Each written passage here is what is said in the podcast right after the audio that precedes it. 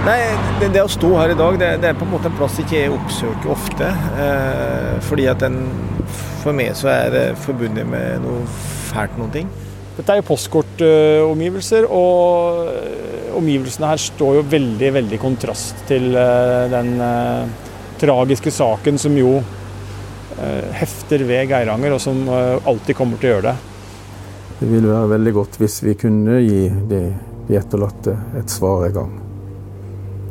Det, det håper vi, men det er vanskelig. Men vi, vi kan ikke gi opp. Mitt navn er Håvard Kristoffersen Hansen, og jeg er ny programleder i Krimpodden denne sesongen. Tor Erling har nemlig gått ut i pappaperm fram til neste år, og dermed er det min stemme og meg du skal bli bedre kjent med i tida framover. Men i dagens episode skal vi tilbake til en gammel, uoppklart drapssak. En sak politiet fortsatt jobber med, og som de har tru på at de kan løse. Nå er advokat Jon Christian Elden satt på saken. Han mener svaret på drapsgåta kan ligge i politiet sine dokumenter. Før Tor Erling gikk ut i permisjon, så var han og Øystein i Geiranger. Der så de nærmere på Trude Espås-drapet i 1996. Etterforskninga i denne saken er en av de mest omfattende noensinne i norsk kriminalhistorie.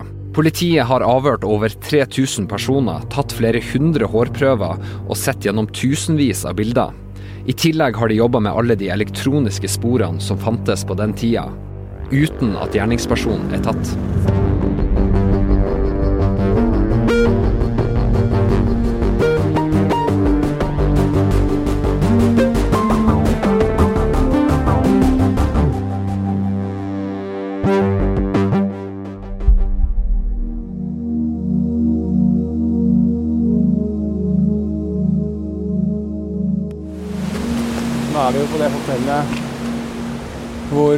Trude Espås jobba. Ja. Og der skal vi bo. Spesielt. Skal vi snakke med sjefen hennes i morgen? Jeg har aldri vært inni den saken her noen gang. Så det er liksom en, eh, en av de få sakene som er helt ny for meg. Så det her blir spennende. Og så er det kanskje en av de mest uløste sakene.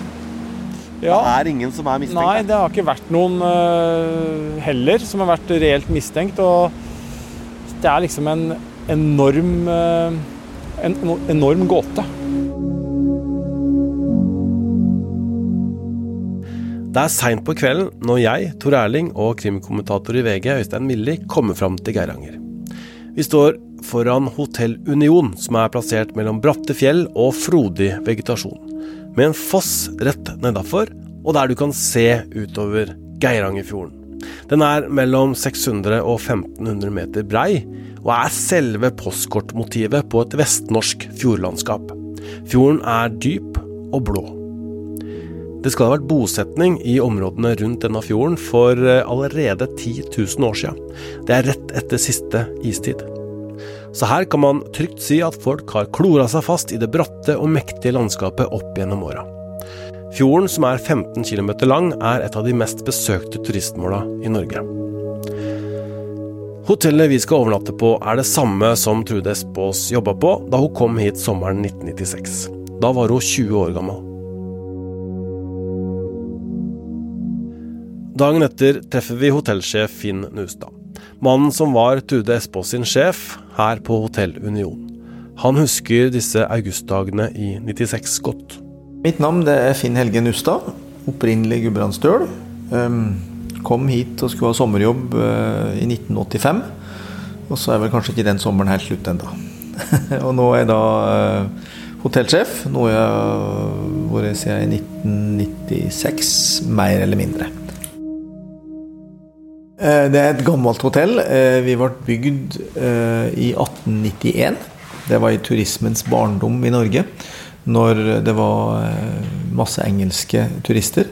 Og det var et selskap som da skulle slå på stortromma og bygge stort. Og bestilte to prefabrikkerte hotell av brødrene Tams oppe i Trøndelag. Det ene ble plassert i Hjørundfjorden, eller på Øye Eh, og det andre ble plassert her i Geiranger. I 1899 så kjøpte det som da ble første generasjon familien Mjelva, Hotell Union i Geiranger. Og i dag er det da fjerde generasjon familien Mjelva som eier og driver Union. Og vi er da vi er et familiehotell. Vi er fortsatt et familiehotell. Eh, I denne store kjededominerte hotellverdenen så er vi da et fortsatt privateid familiehotell. Eh, det var jo òg ei cruisehistorie knytta til Geiranger. Da, som nå, første cruiseskipet kom til Geiranger, eller det vi, det vi definerer som det første cruiseskipet, kom i 1869. Hotell Union har tatt imot mange gjester opp igjennom. På 1890-tallet kom det omtrent 70 turistbåter innom bygda, og siden den gang har turismen tatt seg enda mer opp. I 1996 eh, så var det mye cruise. Eh, det var masse bussturisme fra hele verden, egentlig. Og eh, mange ungdommer som jobba. Også akkurat sånn som var for over 100 år siden. Men, men et typisk plass der norsk ungdom kom og fikk seg en sommerjobb. Det var før det ble for mange utenlandske arbeidere. Slik at det var hovedsakelig norske ungdommer som, eh, som kommer da for noen hektiske eh, måneder. Og får tjene seg litt ekstra penger. En av disse unge som kom hit for å jobbe denne sommeren, var Trude Espås. Hun hadde fått jobb som stuepike og kom til bygda 31.07.1996.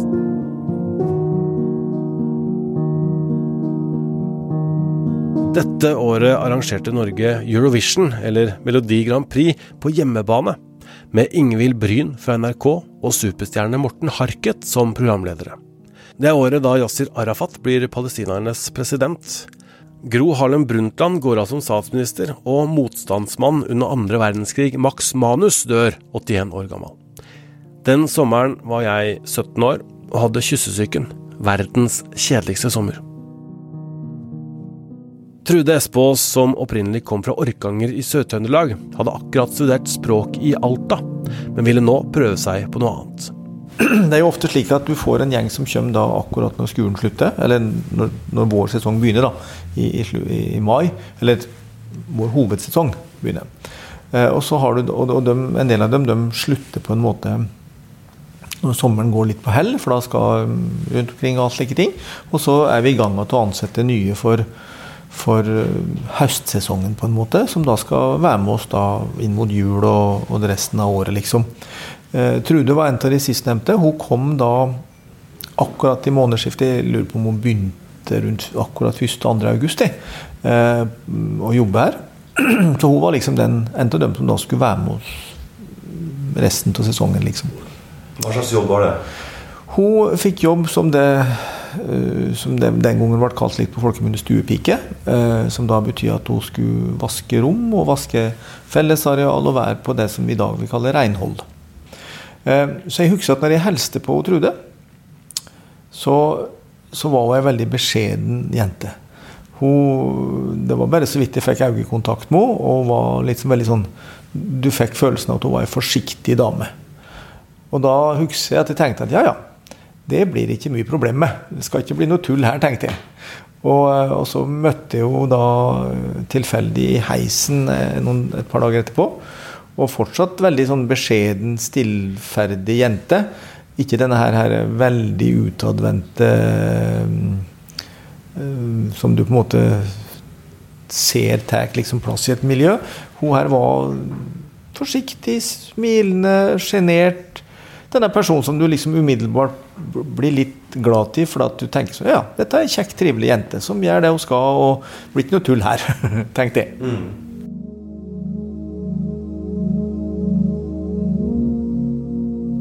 August 1996. Denne dagen har Trude Espås bare jobba på hotellet noen få dager. Hun er ny i Geiranger og har ennå ikke etablert noen tette bekjentskaper i bygda. Akkurat denne dagen har hun fri fra jobben. Geiranger syder av liv. Rundt 6000 turister befinner seg i den lille bygda, der det er rundt 250 fastboende. Hun har tatt med seg en bok i veska og er innom butikken før hun går noen hundre meter langs riksveien som fører ut av sentrum. Her setter hun seg på en stein nær veien.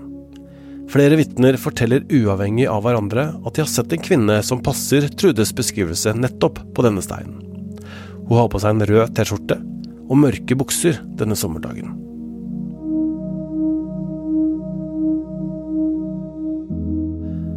På Hotell Union var det flere som planla noe sosialt denne dagen. Kanskje vil Trude være med?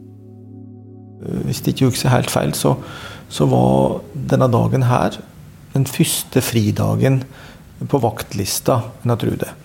Så veit jeg at det var flere som prøvde eller to-tre stykker som prøvde å banke på døra til Trude. Um, for å få med henne på, på, på, noe sosialt. da.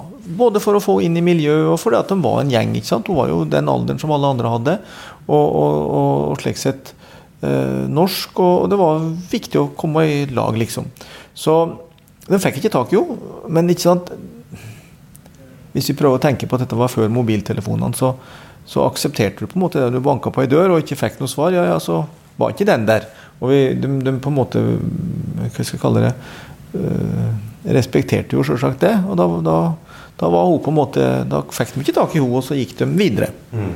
Jeg mener jo ikke at det var en torsdag hun ble borte. Og fredagsmorgen så skulle hun jo da og trodde på jobb.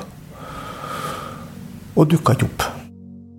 Det blei bestemt at de skulle låse seg inn i hybelen hennes på hybelhuset som ble kalt Monte Carlo. De for bort og banka på døra, og ikke noe respons. Og når det lei på utpå dagen litt, eller litt utpå morgenskvisten, eh, så fikk hun Sølvi, som hun heter, husøkonomen, eller oldefrua vår som ble kalt den dagen, eller husøkonomen vår, hun fikk bange anelse at her er det noe som ikke stemmer. For hun Trude er jo en slik person som ikke fester, og ikke er jo noe slik eh, som skulle ikke gjøre noe tull her.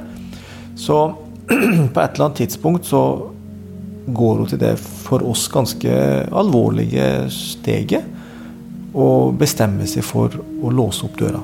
Det er jo noe vi ikke verken skal gjøre, eller i prinsippet kanskje egentlig har lov til å gjøre. Men, men det er en gang ja, Hun var som en mor for alle disse jentene hun hadde på avdelinga si. Hun var den som passa på dem. Eh, både på jobb og ga dem gode råd når det gjaldt eh, det sosiale òg. Så Sølvi hun tok den avgjørelsen.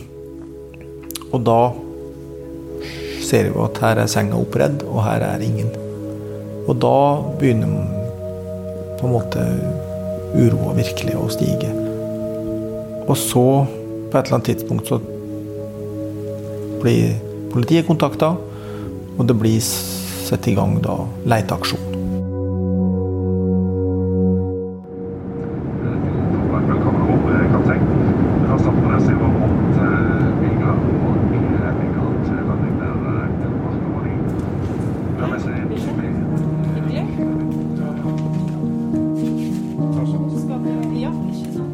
Det var på min, på, min, vakt da, at, eh, dette eh, drapet skjedde. Produsent Vilde Worn sitter på kontoret til Yngve Skovly i Ålesund. Han er en erfaren politiinspektør og har jobba med flere store kriminalsaker. Inne på kontoret er det to pulter. Den ene veggen er et slags frosta glass ut til de andre på avdelingen. De sitter tett sammen der ute og jobber.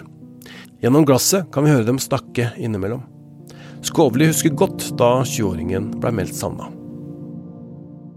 Til å begynne med så, så var det jo en ren savna-sak. Så eh, eh, da er jeg jo ikke så mye inne så, som jurist, men etter hvert, når tida går og mer og mer eh, kan tyde på at eh, eh vi står overfor en kriminell handling, da eh, blir en jo mer involvert.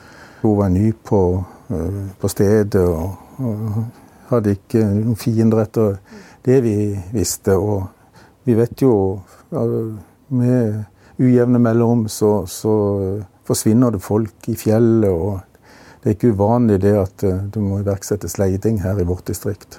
Eh, vi hadde jo da også en sånn verstefallteori fra begynnelsen, at det kunne dreie seg om kriminell handling. så Derfor var vi også tidlig i kontakt med Kripos. De leiter i det bratte landskapet rundt fjorden. Politiet forsøker å få kontroll på ruta Trude Espås har gått, hvem som har sett henne, og hva hun ellers har foretatt seg denne dagen hun forsvant. Hvis jeg ikke husker helt feil, så var det litt over klokka to.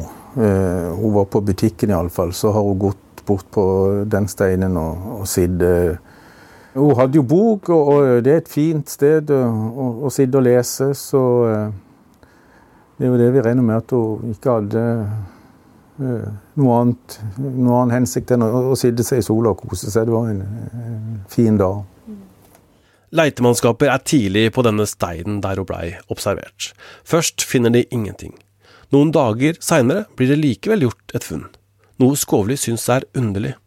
Eh, det første funnet det var på Hun forsvant på en torsdag. Og så på lørdagen så fant vi vesker på den steinen der hun sist var blitt observert. Og, og det er noe vi eh, synes var litt merkelig, for det har jo vært folk oppå steinen. Og, uh, men da var det jo en person vi leita etter. Så uh, disse gjenstandene kan jo ha ligget på stein hele tida, men det kan også ha vært plassert der i ettertid. F.eks. av gjerningspersonen. For det er jo det, Vi syns rett og slett det er litt underlig at ikke dette skulle blitt oppdaga da vi hadde den leideaksjonen de første to dagene. Det, det, det, er rart at ikke noen så den av de som leide. Eh, så vi kan ikke utelukke at den har vært plassert der i ettertid. Oi. Ja, det er jeg til. Nå er vi ute på kaia. Øystein, hotellsjefen Finn Nustad og jeg har kjørt langs riksveien i Geiranger og er på plass på steinen som ligger bare noen meter fra veien. Det er kanskje mer en slags rund fjellknaus som går ned mot vannet og fjorden. Det er her eh, båtene kommer inn, da? Ja, her kommer det jo mange, mange i løpet av sommeren. Tusenvis. I hvert fall den sommeren der. I år ikke så mye? Nei, det er litt unntakstilstand nå, da, men på normal, eh, normal situasjon så er det mange. Og ja, de er jo ikke her så lenge, ikke sant. Så noe av utfordringa har jo vært at eh, det tok lang tid fra Espås eh, forsvant til den ble funnet. Og det gjorde jo at eh, mange av de som var her da hun faktisk forsvant, de var jo borte eh, når hun ble funnet. Her kommer vi da til den steinen. Vi gjør det. Her står vi ved steinen. Uh, og det er jo uh, Ja, det er jo et fantastisk sted. Et fantastisk sted med enorm utsikt. Uh, så er det jo da en tragedie som denne steinen er forbundet med, da.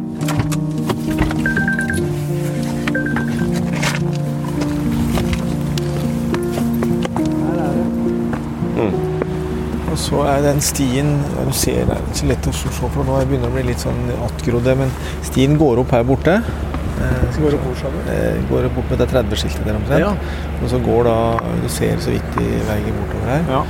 Og, og, og sjølve funnstedet, det er litt tilbake.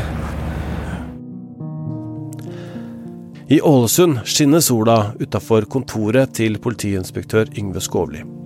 Han har utsikt mot fjell og sjø, opp ifra etasjene i det høye politihuset. Nedenfor kontoret suser bilene forbi. Han forteller om en trafikkert vei ved siden av steinen der Trude satt og leste boka si. Det var eh, faktisk Vegvesenet hadde vel ei telling eh, denne dagen av, av, biler som passerte, og da var det vel sånn ca. to og en halv bil i minuttet. Og I tillegg så er det jo eh, folk som går tur. Du har jo en en campingplass og overnattingssted som heter Grande. Og da vil jo gjerne gjestene der gå inn til sentrum.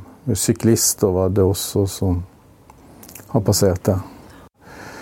Vi har jo hørt, avhørt eh, en rekke vitner da, som eh, da har passert i, eh, i det aktuelle tidsrommet passert den steinen.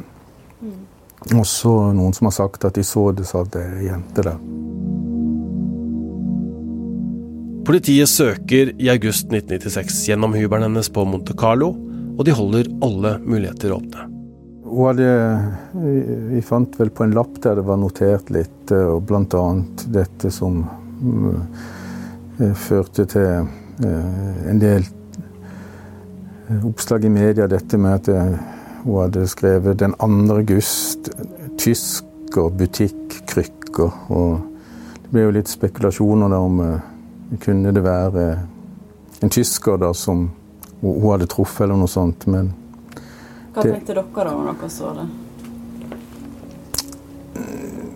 Nei, vi, vi, hadde jo ikke noen klar oppfatning om hva, hva, dette kunne være. Altså, det var jo bare i stikkord. Og, men vi kunne jo ikke utelukke noe som helst heller. Men det mysteriet det løste seg jo da. Det var vel 21 år etterpå.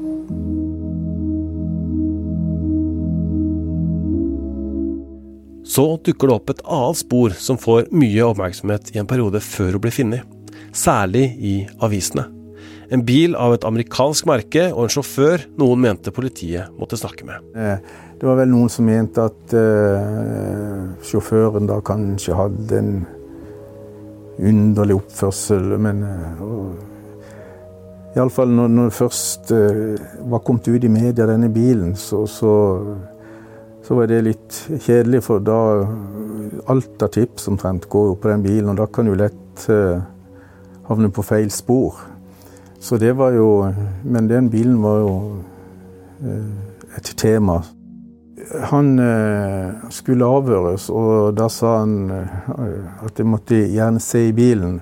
Og, da, og det er i lovens forstand en ransaking. og og da fikk han status som sikta ved at vi gjennomførte den ransakinga. Men det var jo før uh, Trude ble funnet, så det, da var det jo en stor utfordring å prøve å forklare at uh, han var sikta, men hadde, han var ikke sikta for noe. Han hadde bare en, en status som sikta. Mm. Det, det, det, kan du si nok var en glipp, for det var noe som ikke vi i, i KO ble, ble varsla om. Det var noe som ble gjort Eh, på stedet. Og, og, og, det er jo naturlig når, når man sier at eh, det, må gjerne kikke i bilen, men uh, du skal ha skjellig grunn til mistanke om et straffbart forhold før du, du ransaker, og vi var ikke der. For det, det, skulle ikke ha vært gjort. Og etter hvert så, så kunne vi fastslå at uh, den bilen ikke hadde vært i Geiranger på tidspunkt for drapet. Og det var vel eh, kvitteringer som for betaling på en bensinstasjon. Jeg, jeg tror det var i Lom. Så, så det, vedkommende måtte ha kjørt fortere enn en Formel 1-bil hvis han skulle ha, ha rukket det. Så det, det fikk vi heldigvis lukka. Men eh, det skapte forferdelig mye støy en stund, den, den bilen. Samtidig som dette så fortsetter leiteaksjonen, bl.a. med søk i Geirangerfjorden. Kvelden 19. august er et par på tur langs riksveien, ikke langt fra steinen Trude hadde sittet på.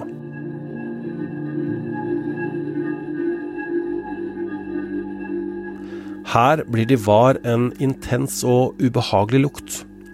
Lukten leder mannen opp i en steinur. Her finner han et par hvite helsesko stikke inn mellom noen steiner.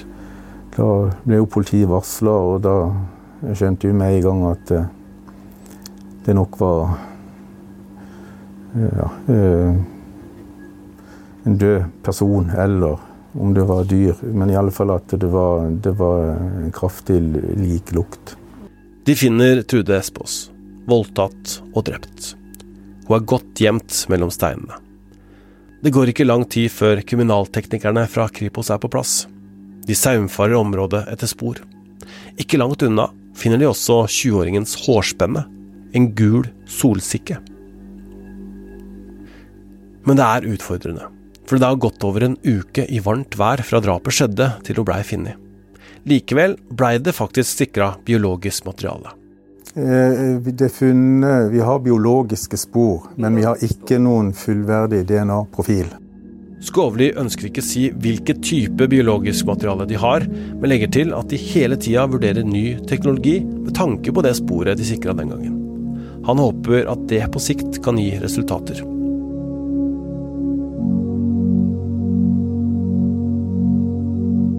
Hvorfor forlot Trude Espås som jeg hørte har vært en beskjeden jente. Hotellsjefen sa at han eh, nesten ikke fikk kontakt med henne. Hun er ny på stedet. Hun sitter her og har egentid og leser og slapper av. Eh, og så har hun på en eller annen måte forlatt steinen, latt veska ligge igjen, og blir funnet drept oppi steinrøra der. Altså, det er en gåte som Altså, hva som har skjedd her, det er Det er nesten ikke mulig å ha noen hypoteser engang. Du må ikke miste bilnøkkelen. Det var nesten det hølet der. Ja, jeg så det. Der forsto du litt hvor vi skulle. Ja, vi går til det skiltet der. Ja, tredje skiltet. Og så det, går vi opp og så kanskje litt lenger bort. Her er det jo en slags sti der oppe. ikke sant? En vei med noen gjerder og, og sånt. Ja. Kanskje er det gamle veien gikk, kanskje? Jeg Kjenner jo igjen uh, uh, dette her fra de disse kjente bildene da, fra da eh, de bar ut Lika Despos. Espos. Så ikke sant, er det jo Det man jo må si, er jo at eh, Kanskje lett å være etterpåklok og lett å være kritisk, men, men det er jo litt rart at man brukte elleve dager på å finne Når veska ligger igjen på den steinen, og så ligger eh, eh, da Lika Trude Espos rett her oppe. Og så brukte man så lang tid på å finne henne. Og det som er det sørgelige ved det, da, det er jo at eh, det var jo sommer og varmt, og eh, naturen går sin gang. Og eh, det forspiller jo spor og bevis. Vi tar oss opp til stedet der hun ble funnet. Jeg tror ikke det er så lett å finne det her. Det er jo vokst til. Det var vel Dette er jo, dette er jo steinrøyser, ikke sant? Ja. Fra ting som har sikkert dette ned fra fjellet her, da. Det er, det er store, grove steiner her. Og så er det jo veldig ulendt. Eh, og nå ser vi opp på det uh, området hvor hun ble funnet. Dette er midt i røysa. Det er midt i røysa, vet du.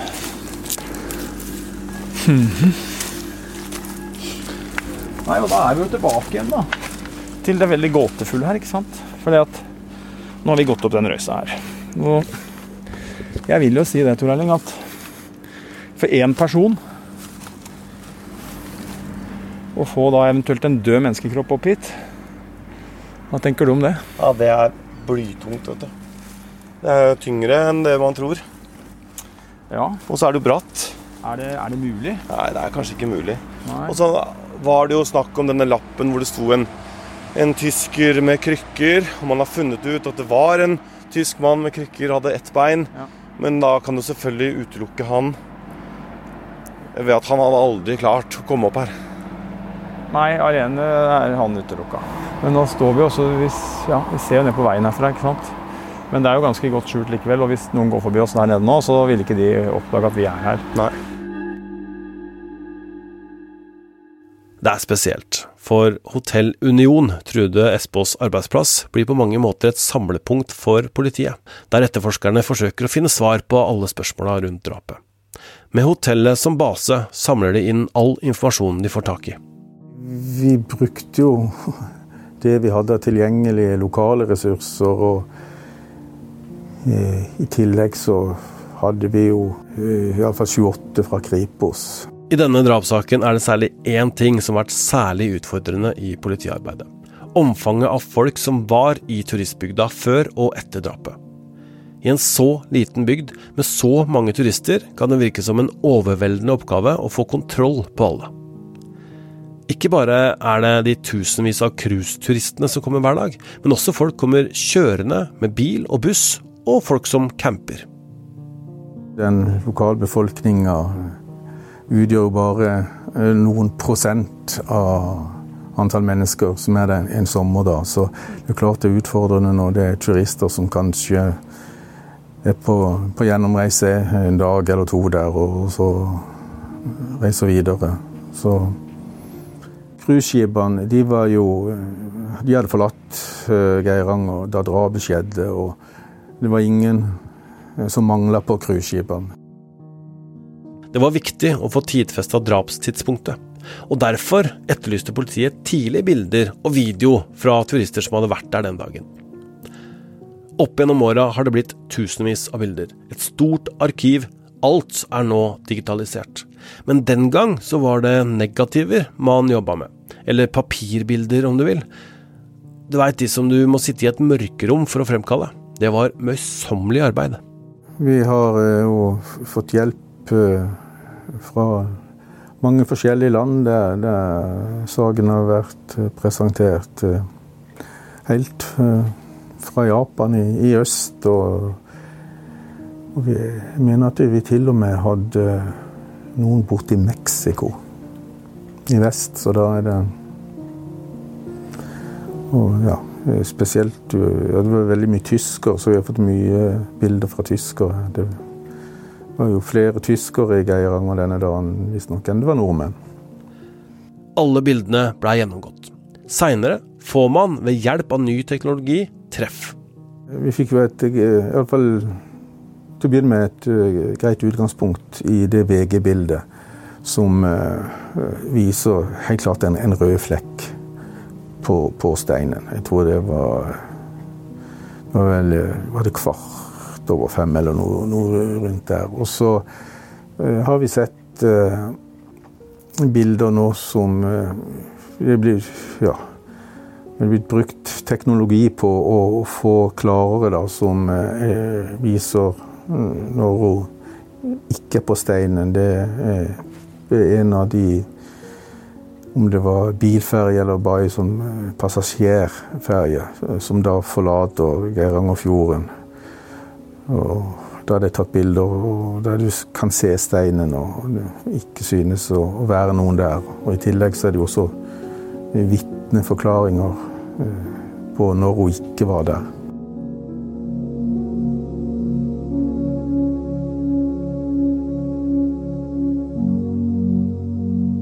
Den røde prikken på steinen ved riksveien tror politiet altså er Trude Espås, kledd i en rød T-skjorte. Rundt klokka 17.15. På andre bilder tatt rundt 17.30 er ikke den røde flekken der lenger. Også et svensk par forteller at de rundt denne tida gikk langs riksveien med steinen. Mannen må på do og går opp en sti som fører til en gangsti eller en gammel kjerrevei som går parallelt med riksveien. Halvveis opp på stien så hører ekteparet lyder. Til Åsted Norge på TV 2 så fortalte de i 2016 at de hørte skrik. Da mannen gikk lenger opp, så fikk han øye på det han oppfatter som et barn ligge mot en skrent, og en mann som står over barnet. Han anslår at det kan være rundt 30-40 meter bort til personene på stien. Han forteller til TV 2. Over henne sto en mann. Da han fikk se meg, så reiste han seg opp og sto og titta, og stirra på meg med et litt rart blikk. Oi, tenkte jeg. Det er en pappa og et barn som leiker. Mannen føler at han forstyrrer og går motsatt vei for å tisse. Han forstår kanskje ikke hva han egentlig ser. Når han er tilbake, er de begge borte. Ekteparet blei avhørt både av norsk og svensk politi.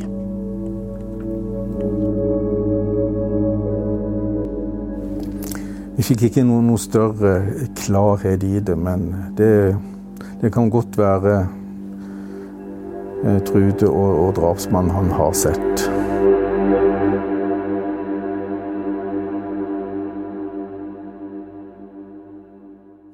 Hva tenker du om at, eh, at, hun ble funnet, og da så det ut som om hun hadde på en måte blitt At noen hadde lagt steiner på henne også, og prøvd å skjule henne. Hva tenker du rundt det? Eh, det at man har lagt stein over, det tyder jo også på at man da kanskje har tatt to grep da for å skjule liket. Det ene er å dra det ut av allfarvei så langt du klarer. Og opp her vi står nå, så er det jo enklere enn der vi gikk opp. Mm.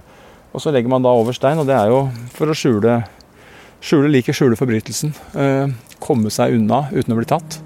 Så ble jo liket funnet, men gjerningsmannen oppnådde jo likevel det som var målet, og i hvert fall så langt unnslippe.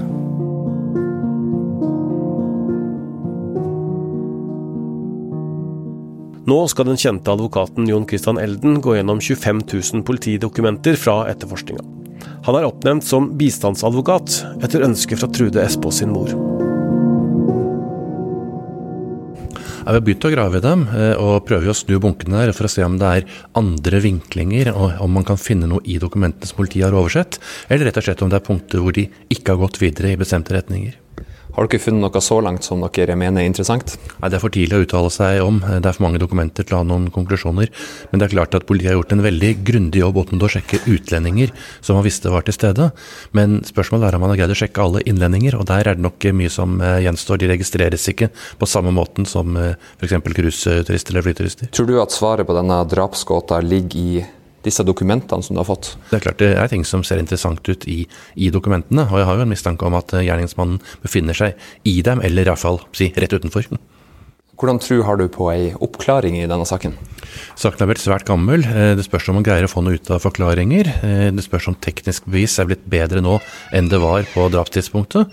Men eh, det er jo en grunn til at man har fjernet foreldelsesfristen i slike saker, og det er fordi man ikke skal gi dem opp, fordi de kan løses sent. Det er en sak som er vanskelig eh, å jobbe med. Den har vært eh, lenge. Eh, folk flest er veldig engasjert i den. Selv etter at det kom opplysninger om at jeg ble bistandsadvokat, så har jeg fått masse henvendelser fra privatpersoner med tips. Så det er en sak hvor mange fortsatt har håp om oppklaring. Tilbake i steinrøysa over rv. 63. Hva skal til for å løse dette? Ja, nå har jeg jo, denne saken har jeg jo ikke sett etterforskningsdokumentene i. Men jeg merker meg at det er flere kandidater eh, på en liste som av ulike grunner er mer interessante enn andre. Og så er det dermed ikke sagt at gjerningsmannen står på en sånn liste. Men det er jo liste man lager fordi at det er et eller annet ved en person. Enten at du mangler alibi, eller at det er ulike forklaringer om hvor du har vært. Og det kan være helt eh, tilfeldig, og det må man ikke glemme. Jeg har opplevd det i mange saker, at folk forklarer seg eh, nesten inn som mistenkte fordi at de roter og, og uh, surrer, eh, f.eks. Eh, så er dette med DNA. Eh, ja, eh, kan ny teknologi Er det, er det DNA-spor, materiale her, som kan eh, peke i en retning? Så det er, det er på en måte sånn det er, Jeg tenker det er én, gjerningsmannen selv tilstår. To, gjerningsmannen snakker med noen i sin omgangskrets, betror seg til noen, og de eller den går til politiet. Og tre, men vi vet at det er en uh, fantomtegning av en mann som spurte etter klokka. Snakka med en kvinne lenger ut i, ute, på veien utover mot Åndalsnes ute i fjorden her. Som jo er av interesse. Denne mannen har man jo ikke identifisert. Og han er jo interessant.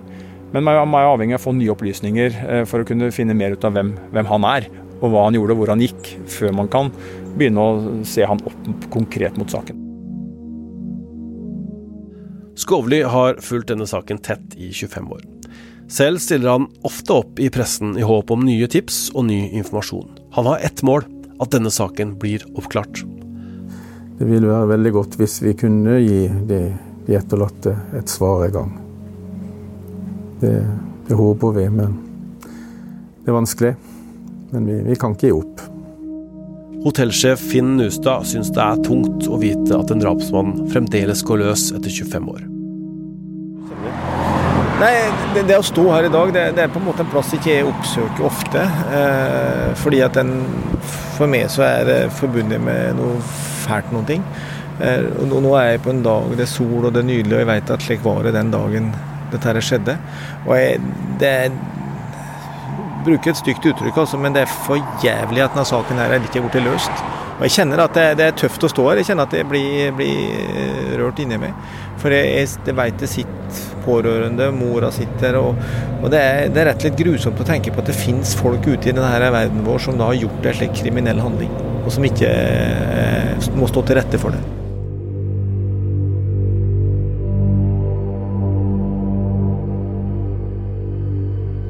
Drapssaker foreldes ikke i Norge, men andre lovbrudd i denne saken er nå forelda.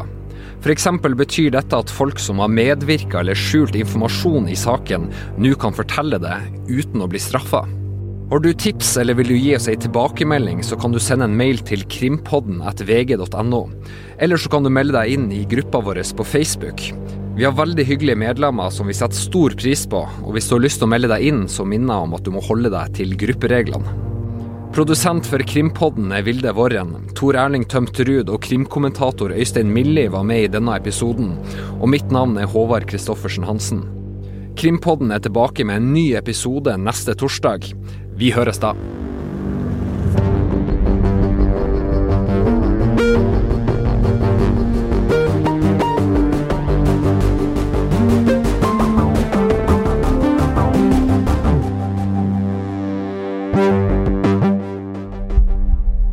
Du har hørt en podkast fra VG.